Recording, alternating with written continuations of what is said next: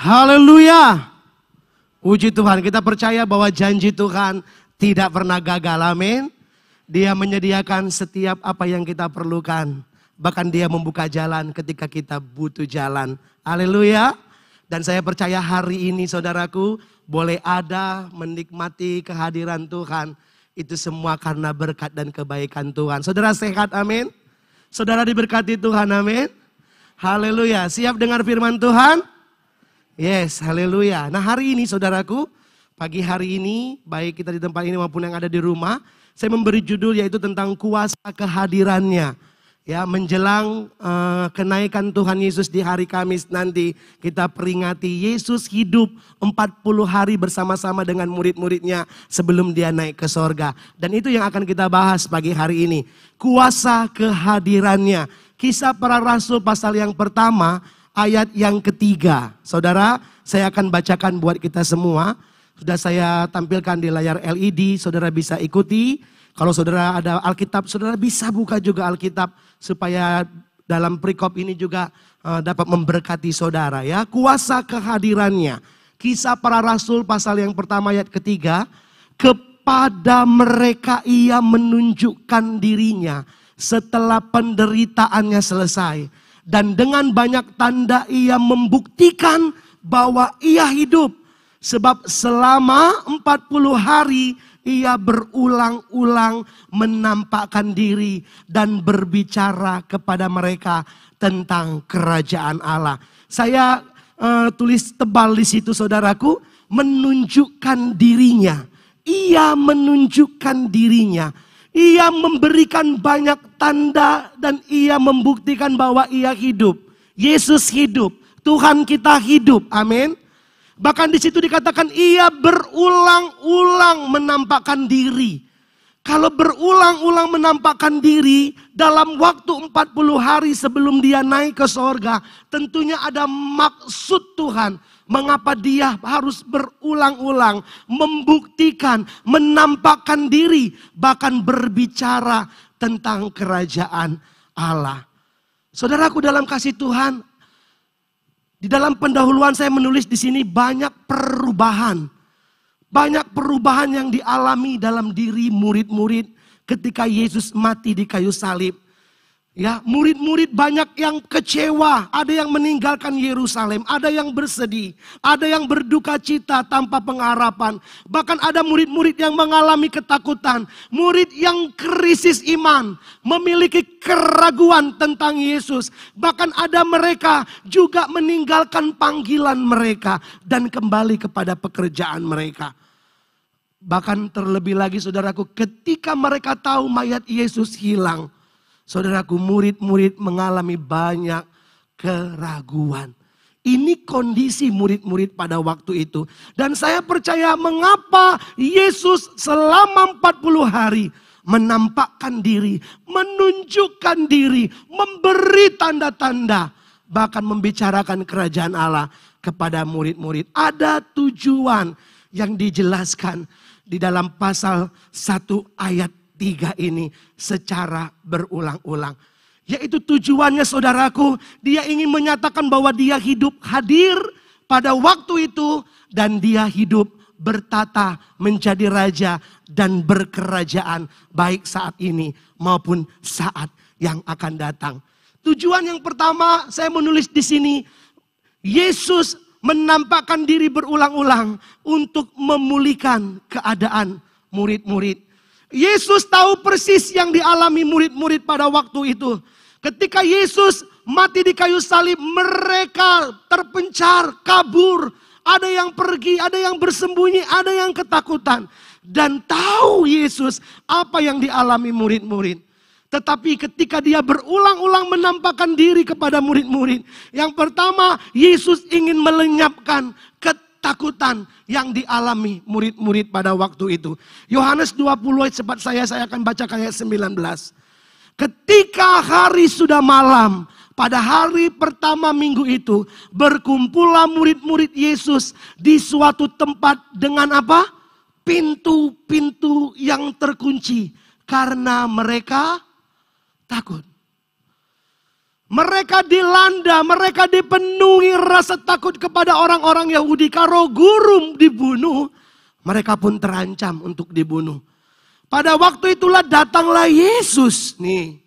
Datanglah Yesus menampakkan diri dan berdiri di tengah-tengah mereka dengan tubuh yang sempurna dan berkata, "Damai sejahtera bagi kamu." Saudaraku, tujuan Yesus menampakkan diri banyak selama 40 hari. Tetapi dia rindu melenyapkan setiap ketakutan yang dialami murid-murid.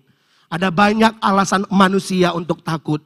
Takut masa depan, takut keperluan, takut kebutuhan hidup, takut menghadapi tantangan, takut menghadapi dunia ini. Ya, kami pun sebagai hamba-hamba Tuhan tentunya pernah mengalami rasa takut ini. Tetapi ketika kita ingat Yesus hidup, dia melenyapkan ketakutan. Amin. Yang kedua dikatakan dia memulihkan keadaan murid-murid dengan meyakinkan iman yang ragu. Yohanes 20 25. Maka kata murid-murid yang lain itu kepadanya, kami telah melihat Tuhan. Tetapi Thomas berkata kepada mereka, Sebelum aku melihat bekas paku pada tangannya, dan sebelum aku mencucukkan jariku ke dalam bekas paku itu, dan mencucukkan tanganku ke dalam lambungnya, sekali-kali aku tidak akan percaya. Di perjumpaan pertama Thomas pada waktu itu tidak hadir di situ. Ya ini karena dia kurang percaya. Di perjumpaan delapan hari berikutnya ada Thomas di situ dan dia menyatakan, saya tidak percaya ada keraguan. Tetapi lihat di ayat 27 dan 28, kemudian Yesus berkata kepada Thomas, "Taruhlah jarimu di sini dan lihatlah tanganku. Ulurkan tanganmu dan cucukkan ke dalam lambungku dan jangan engkau tidak Jangan engkau tidak percaya lagi, melainkan percayalah. Thomas menjawab, "Ya Tuhan, ya Tuhanku dan Allahku. Keraguan bisa datang kepada siapa saja. Ada orang yang beriman puluhan tahun tetapi masih meragukan tentang Yesus. Keraguan bisa datang kepada siapa saja ketika apa yang diperlukan ya tidak ada tetapi ketika dia mulai ragu dia tenggelam dan mulai kecewa. Tetapi ketika kita dipulihkan iman kita, percaya kita, maka kita akan kembali di dalam panggilannya. Bahkan dikatakan di situ Thomas dipulihkan dan dia kembali percaya. Langsung saja dikatakan Yesus berulang-ulang menampakkan diri ya untuk apa? Menghibur, memberi harapan bagi yang bersedih. Ya, Yohanes 20 ayat 15. Ini perjumpaan Yesus dengan Maria Magdalena yang disinggung beberapa waktu yang lalu oleh Bapak Gembala dalam khotbahnya tentang kerinduan ya mencari Yesus. Kata Yesus kepadanya, "Ibu, mengapa engkau menangis? Siapakah yang engkau cari?" Tangisan dari Maria adalah tangisan di mana Yesus hilang. Yesus dicuri. Dan tangisan ini adalah tangisan yang double, tangisan yang bertambah. Yang pertama tangisan pertama Yesus mati, Yesus dikubur, Yesus uh, sudah tidak ada lagi yang kedua tangisannya karena mayatnya hilang. Tetapi ketika ada perjumpaan yang manis antara Maria Magdalena dengan Yesus. Yesus menampakkan diri sekalipun Yesus bilang jangan sentuh aku. Karena aku belum menghadap kepada Bapa. Tetapi dengan melihat Yesus hidup. Dengan penampakan itu. Maka Maria menjadi pribadi yang tegar yang kuat dan punya masa depan serta harapan. Selanjutnya memulihkan kekecewaan. Ya, Lukas 24 ayat 20. Tetapi imam-imam kepala dan pemimpin-pemimpin kami telah menyerahkan dia untuk dihukum mati. Dan mereka telah menyalibkannya. Ayat 21, 20 ya. Padahal kami dahulu mengharapkan ada dua murid, diperkirakan mereka adalah suami istri, meninggalkan Yerusalem dengan penuh kekecewaan, ya, dan mereka pergi ke Emmaus dan meninggalkan Yerusalem. Ketika dalam perjalanan mereka berjumpa dengan Yesus dan menyampaikan kekecewaannya. Padahal kami dahulu mengharapkan bahwa dialah yang datang untuk apa? Membebaskan Israel. Tetapi sementara itu telah lewat tiga hari sejak semuanya itu terjadi. Lanjut dua-dua dan seterusnya. Tetapi beberapa perempuan sudah jelas. Beberapa perempuan dari kalangan kami telah mengejutkan kami. Pagi-pagi buta mereka telah pergi ke kubur dan tidak menemukan mayatnya. Lalu mereka datang dengan berita bahwa telah kelihatan kepada mereka malaikat-malaikat yang mengatakan bahwa ia hidup. Ayat 24. Dan beberapa teman kami telah pergi. Teman kami katakan telah pergi ke kubur itu dan mendapati bahwa memang benar yang dikatakan perempuan-perempuan itu, tetapi dia tidak mereka lihat. Kecewa saudara informasi ini ya. Ada memang kami dengar dia hidup. Tetapi mereka datang ke situ tidak melihat dia. Bahkan kekecewaannya apalagi kami berharap dia membebaskan Israel. Ya. Kekecewaan yang berat ketika apa yang kita nanti itu tidak kunjung dah datang. Kekecewaan yang berat ketika kita mengharapkan sesuatu tetapi tidak dah dapat. Tetapi Yesus menemui dua orang ini dan memulihkan kekecewaannya dengan makan roti dan minum bersama pada waktu itu. Dan mereka dicelikan bahwa Yesus hidup dan memulihkan kekecewaan mereka. Ternyata dua orang ini kurang percaya kalau cuma mendengar kata perempuan-perempuan itu Yesus hidup. Tetapi mereka akan lebih dipulihkan ketika benar-benar Yesus hadir menampakkan diri kepada dua orang ini. Saudaraku dalam kasih Tuhan, kalau saudara hidup di dunia ini sudah sekian tahun, saudara bisa tulis banyak kecewa saudara kepada keadaan, kepada pemerintah bisa saja saudara kecewa. Bisa juga kecewa kepada saudara banyak kecewa saudara. Tetapi kalau kita percaya Yesus hidup, dia hadir. Dikatakan 40 hari. 40 hari ini kalau kami pelajari ya, angka dalam Alkitab proses. 40 hari ini adalah jalan kehidupan. 40 hari ini adalah uh, perjalanannya hidup manusia. Kalau kita ingat Musa 40 40 tahun ada di Mesir 40 tahun, ada di mertuanya 40 tahun, ada di ada di padang gurun. Yesus berpuasa 40 hari, 40 malam. Elia berjalan ke gunung Allah dengan kekuatan roti dan minum yang diberikan selama 40 hari, 40 malam. Ya. Dan saya mau katakan kalau 40 ini adalah angka proses dan perjalanan hidup saudara. Di 40 perjalanan hidup Yesus hadir dan mau memulihkan setiap keadaan kita. Amin. Dan yang kecewa, yang sedih, ya. Dan yang terakhir saudaraku, dikatakan di situ Yesus memperbaharui panggilan para murid. Jadi luar biasa, Yesus tidak pernah bosan menampakkan diri ya. Tadi firman Tuhan di awal kita baca dikatakan apa? Berulang Ulang-ulang. Saudara kalau dengar khotbah kami, hari ini saya khotbah ini, minggu depan saya khotbah ini, bosan enggak? Ya bosan ya. Tetapi Yesus tidak pernah bosan untuk menampakkan diri. Dan dia memperbaharui panggilan para murid. Yohanes 21 ayat 16. Demikian firman Tuhan, maka kata Yesus kepada mereka. Ya, ingat kata ini nanti saya uh, konfirmasi lagi dengan ayat sebelum terjadinya ini saudaraku ya. Maka kata Yesus kepada mereka, tebarkanlah jalamu di sebelah kanan perahu. Maka akan kamu peroleh. Lalu mereka menebarkannya dan mereka tidak dapat menariknya lagi karena banyaknya ikan. Ada seorang murid yang peka dan dia dipulihkan segera. Ayat 17. Dikatakan maka murid yang dikasihi. Ya, Kalau departemen kema kemarin tentang perasaan dikasih tentang Yohanes. Nah ini murid yang dikasihi adalah penulis Injil Yohanes. Yaitu Rasul Yohanes sendiri. Maka murid yang dikasihi Yesus. Maka murid yang dikasihi Yesus itu berkata kepada Petrus. Itu Tuhan. Ketika Yesus berkata tebarkan jalamu. Petrus belum sadar bahwa yang menyuruh itu adalah Tuhan.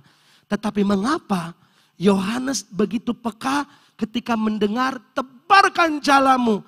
Dan dia berkata, itu Tuhan. Nah sekarang kita buka dalam Lukas 5 ayat 4.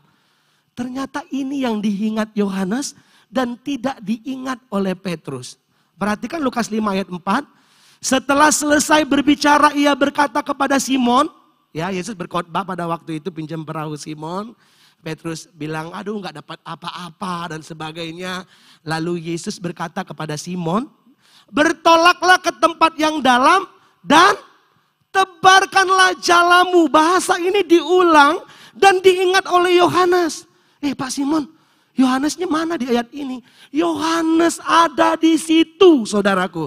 Kalau saudara nanti ending terakhirnya Petrus panggil Yohanes untuk membantu dia. Ternyata Yohanes dengar kata tebarkan jalamu untuk menangkap ikan. Ayat 6. Dan setelah mereka melakukannya mereka menangkap sejumlah besar ikan. Sehingga jalan mereka mulai koyak.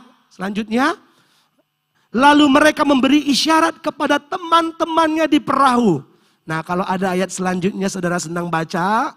Ya periksa di situ. Teman-teman di sini ada Yohanes di situ. Apa maksudnya saudaraku?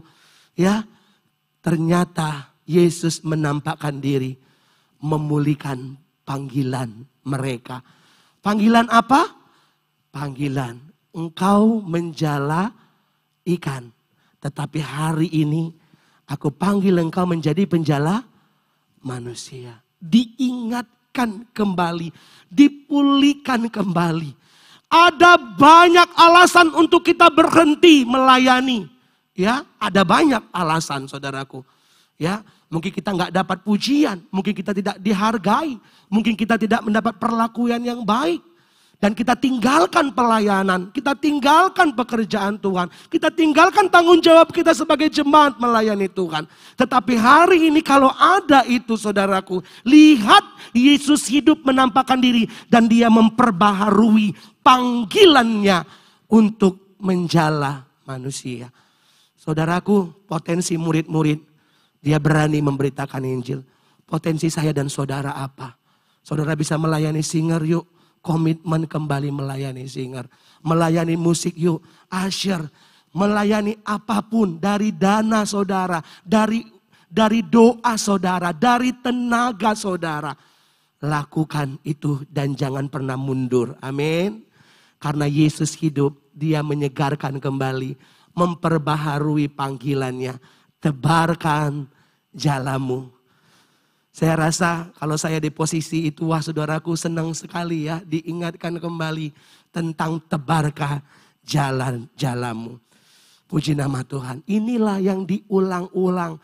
Ya kalau Alkitab menulis apalagi yang Yesus lakukan 40 hari sebelum dia naik ke sorga. Banyak saudaraku. Dan itu membuktikan bahwa Yesus hidup, Yesus hadir dan memulihkan keadaan murid-murid. Nah hari ini apa pun kondisi saudara dari pengalaman murid-murid ini itu juga mungkin menjadi salah satu yang saudara alami. Percayalah dia hadir memulihkan keadaan kita. Yang kedua saudaraku, Ketika dia berulang-ulang membuktikan ia hidup menampakkan diri. Dia juga berulang-ulang menceritakan apa? Kerajaan Allah. Kerajaan Allah. Matius, Markus, Lukas membicarakan banyak tentang kerajaan Allah. Kalau Matius versinya kerajaan sorga. Tidak menggunakan nama Allah. Karena Matius di situ menulis buat orang-orang Yahudi. Kalau Lukas dia sampaikan ini baik kepada orang Yahudi maupun kepada orang non-Yahudi, orang kafir yang tidak kenal Tuhan tentang kerajaan Allah. Tetapi selama 40 hari Yesus tidak bosan-bosan menyampaikan tentang kerajaan Allah. Banyak perumpamaan-perumpamaan kerajaan Allah tentang keselamatan, tentang kembalinya orang yang hilang. Banyak hal tentang lima gadis, tentang kerajaan Allah, banyak hal. Tetapi saya akan ambil beberapa saja tentang kerajaan Allah. Ya, kerajaan Allah yang Yesus bicarakan di sini, saudaraku, ketika dia sampaikan tentang kerajaan Allah, ternyata ada murid yang menyangka bahwa kerajaan Allah itu kerajaan Israel yang dipulihkan. Coba kisah Rasul pasal 1 ayat 6. Karena ayat ini berlanjut dari ayat 3 ke ayat 6. Dikatakan seperti ini, maka bertanyalah mereka yang berkumpul di situ. Tuhan, maukah engkau pada masa ini memulihkan kerajaan bagi Israel? Tetapi jawab Yesus di ayat 7 dan 8 mengarahkan kepada dua kerajaan kerajaan kekal. Ya itu waktunya Tuhan, itu waktunya nanti. Tetapi kamu kalau roh kudus, nah ini kerajaan yang sekarang yang bisa kamu nikmati di dunia ini. Kerajaan masa sekarang. Artinya apa kerajaan masa sekarang? Kerajaan di mana Tuhan hadir, roh kudusnya hadir dan dia berkerajaan di tengah ibadah kita di dalam diri kita, di rumah tangga kita, dan di seluruh kehidupan kita.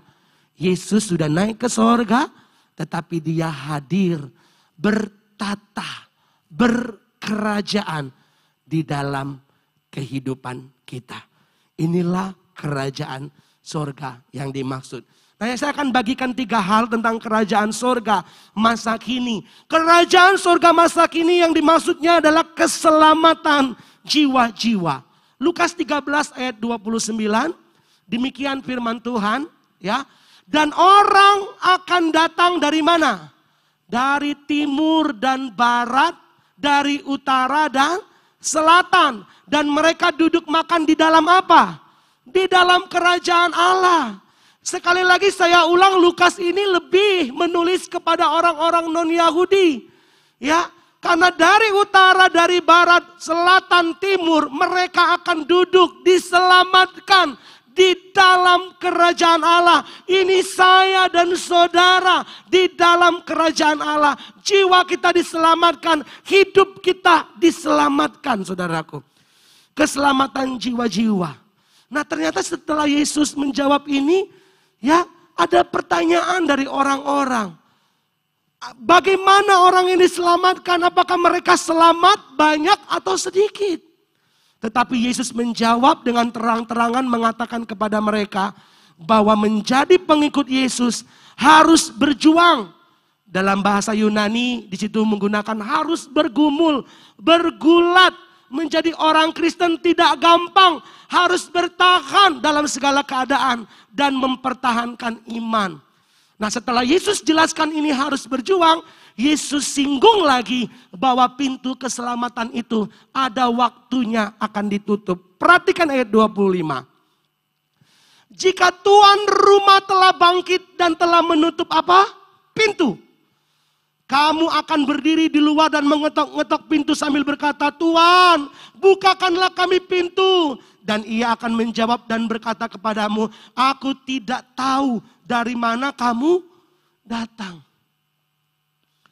Jadi pintu keselamatan itu, anugerah itu luas dibukakan buat saya, buat saudara. Dari utara, timur, selatan, barat, diperdengungkan tentang keselamatan. Supaya apa? Supaya kita duduk bersama dalam perjamuan di kerajaan Allah. Saudaraku dalam kasih Tuhan. Setelah kita perhatikan ini saudaraku, kita bersyukur kita sudah diselamat, selamatkan. Dan Yesus berulang-ulang sampaikan kerajaan Allah tentang keselamatan setiap orang. Perhatikan di kisah para rasul 1 ayat 8. Dikatakan seperti ini. Tetapi kamu akan menerima kuasa kalau roh kudus turun ke atas kamu. Dan kamu akan menjadi saksiku di mana?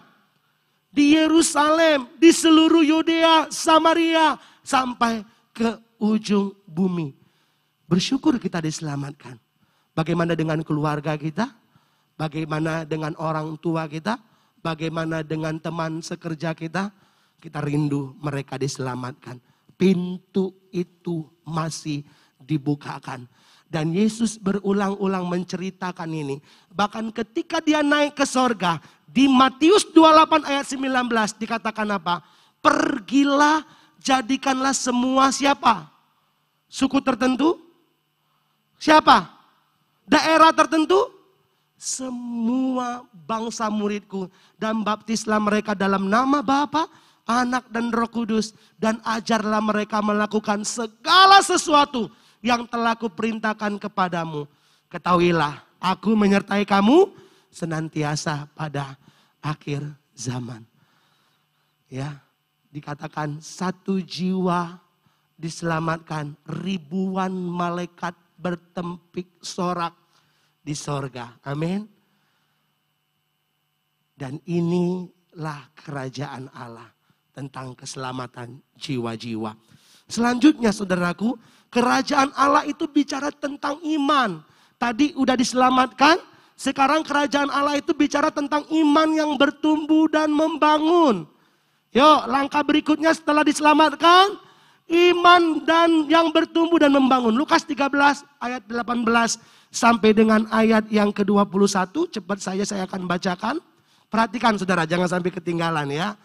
Dikatakan begini, Lukas 13, 18. Maka kata Yesus, seumpama apakah hal kerajaan Allah dan dengan apakah aku akan mengumpamakannya? Ia seumpama, ingat ya saudara, biji sesawi yang diambil dan ditaburkan orang di kebunnya. Biji itu tumbuh dan menjadi pohon dan burung-burung di udara bersarang pada cabang-cabangnya. Dan Yesus berkata lagi, dengan apakah aku akan mengumpamakan kerajaan Allah? Nah ini yang kedua. Ia seumpama ragi yang diambil seorang perempuan dan diadukan ke dalam tepung terigu tiga sukat sampai kamir seluruhnya. Nah saudaraku baca yang kita baca tadi kita menemukan pertanyaan Yesus tentang kerajaan Allah dan Yesus menjelaskan sendiri apa itu kerajaan Allah. Kerajaan Allah dikatakan seperti apa tadi? Biji sesawi dan juga seperti ragi. Nah, memang beberapa pengajaran Yesus, Yesus juga pernah mengangkat ragi. Hati-hati dengan ragi Farisi, Hati-hati dengan ragi saduki tentang dosa. Tetapi kali ini ragi Yesus juga berbicara bagaimana dampak iman kita kepada semua orang. Nah tadi dikatakan iman yang bertumbuh dan membangun. Biji sesawi merupakan biji yang sangat kecil. ya Imanku sebesar biji sesawi. Tetapi iman itu harus bertumbuh. Dikatakan jatuh ke tanah Ya, kemudian tumbuh menjadi tanaman yang besar. Matius 13 ayat 32 di situ dijelaskan burung-burung pun dapat bersarang di atasnya.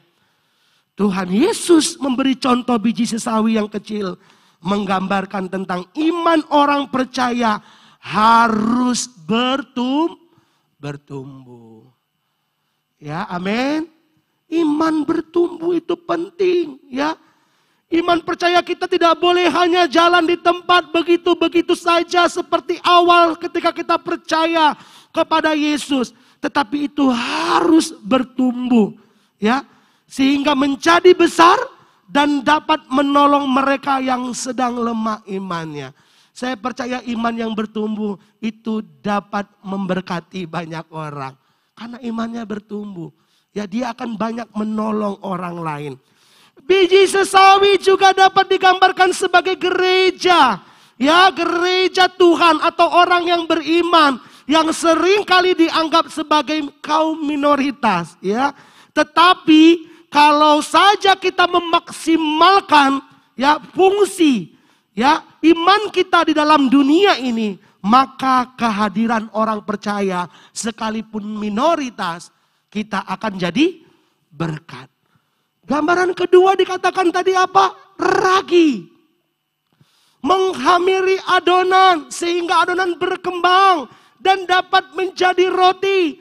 Makanan bagi yang lapar disediakan. Begitu juga seharusnya iman kita. Iman kita harus seperti ragi yang menghamirkan orang-orang yang tidak percaya. Yang harusnya mereka dibinasakan. Tetapi mereka menjadi ber, percaya, diselamatkan. Makanya saya bilang kerajaan Allah tentang iman yang bertumbuh dan membangun. Kita bangun kerajaan Allah di tempat ini. Kita perluas kerajaan Allah dengan iman kita yang bertumbuh. Dengan hidup kita yang menjadi berkat. Dengan kita membawa jiwa-jiwa bagi Tuhan Yesus. Dan yang terakhir saudaraku, ya dikatakan kerajaan Allah itu adalah bicara tentang kuasa kerajaan, kuasa Roh Kudus. 1 Korintus 4 ayat 20. Ini kerajaan Allah. Sebab kerajaan Allah bukan terdiri dari perkataan, tetapi dari dari kuasa. Nah, saya sedikit cerita bahwa 1 Korintus 4 ayat 20 ini ya ada orang-orang yang membanggakan beberapa hamba Tuhan. Terjadi perpecahan, aku Apolos, aku kaum kaum Kefas, aku kaum Paulus. Tetapi dalam surat ini dikatakan kerajaan Allah bukan terdiri dari perkataan.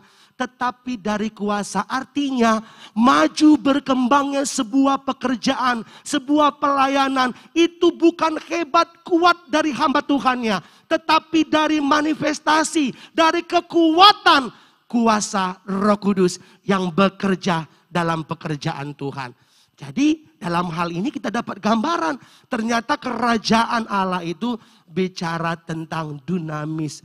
Kuasa yang dikerjakan oleh roh, roh kudus. Itu kerajaan Allah. Kalau saudara buka Roma 17, kerajaan Allah bukan makan dan minum. Tetapi kerajaan Allah itu bicara kebenaran.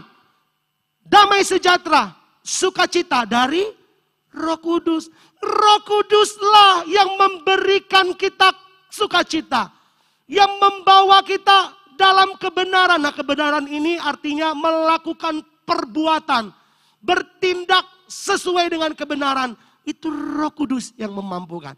Bahkan sukacita di tengah masalah, kondisi sulit dan itu karya Roh Kudus. Artinya apa? 40 hari Yesus menampakkan diri kepada murid-murid. Tetapi ketika Yesus naik ke sorga, dia berkerajaan. Artinya apa? Dia mencurahkan roh kudusnya. Roh kudus yang dapat diterima oleh orang percaya di mana saja. Bukan hanya di Yerusalem, tetapi kepada semua suku dan bangsa. Roh kudus diberikan. Dan itu juga diberikan kepada kita. Amin. Jadi tidak heran ada anak Tuhan terus bersuka cita, terus kuat, terus dimampukan. Karena ada kuasa yang bekerja di dalam hidup mereka. Perhatikan kisah Rasul 1 ayat yang kelima. Di situ dikatakan sebab dari ayat 4 dulu ya. Pada suatu hari ketika ia makan bersama-sama dengan mereka. Ini pesan Yesus. Lanjut tadi kan ayat 3, ini ayat 4. Ia melarang mereka meninggalkan Yerusalem dan menyuruh mereka tinggal di situ menantikan janji Bapa. Yang demikian katanya, telah kamu dengar daripadaku apa? Ayat 5. Sebab Yohanes membaptis dengan air, tetapi tidak lama lagi kamu akan dibaptis dengan apa? Dengan Roh Kudus. Tetapi kamu akan menerima apa? Kuasa yang bekerja di dalam pelayanan tadi. 1 Korintus 4 Kuasa yang bekerja mendatangkan sukacita. Kuasa yang memampukan untuk apa? Bersaksi. Kalau roh kudus turun ke atas kamu. Jadi kerajaan Allah itu bisa kita nikmati. Di kekekalan bersama dengan Yesus. Tetapi kerajaanmu datanglah. Kehendakmu jadilah di bumi seperti Artinya suasana sorga berkat kerajaan Allah dapat kita rasakan kalau roh kudus turun atasmu. Yesus melayani dengan kuasa Roh Kudus, kuasa Allah. Sehingga apa? Banyak orang disembuhkan, ada mujizat, banyak orang dipulihkan, banyak orang dimenangkan, banyak jiwa yang percaya kepadanya, banyak orang dimerdekakan. Dan saya percaya juga ketika saudara dipenuhkan, dipimpin Roh Kudus, maka saudara akan melakukan pekerjaan-pekerjaan jauh lebih besar dikatakan firman Tuhan yang pernah dilakukan di waktu itu. Jauh lebih banyak. Dan saya percaya juga ketika roh kudus bekerja dalam hidup kita, maka kita akan mendapatkan sukacita, damai sejahtera, dan kekuatan daripada Tuhan. Nah saudaraku dalam kasih Tuhan, kesimpulannya, jika sebelum Yesus naik ke sorga dalam 40 hari, ini diulang-ulang kata firman Tuhan diulang-ulang diberitakan. Artinya perkara ini sangat penting. Ini bukan main-main. Hari ini saudara bisa kuat tanpa roh kudus. Tetapi kalau keadaan dunia semakin menakutkan, siapa lagi yang mau tolong kita? Kalau bukan Allah sendiri yang hidup itu hadir di dalam rohnya kepada kita.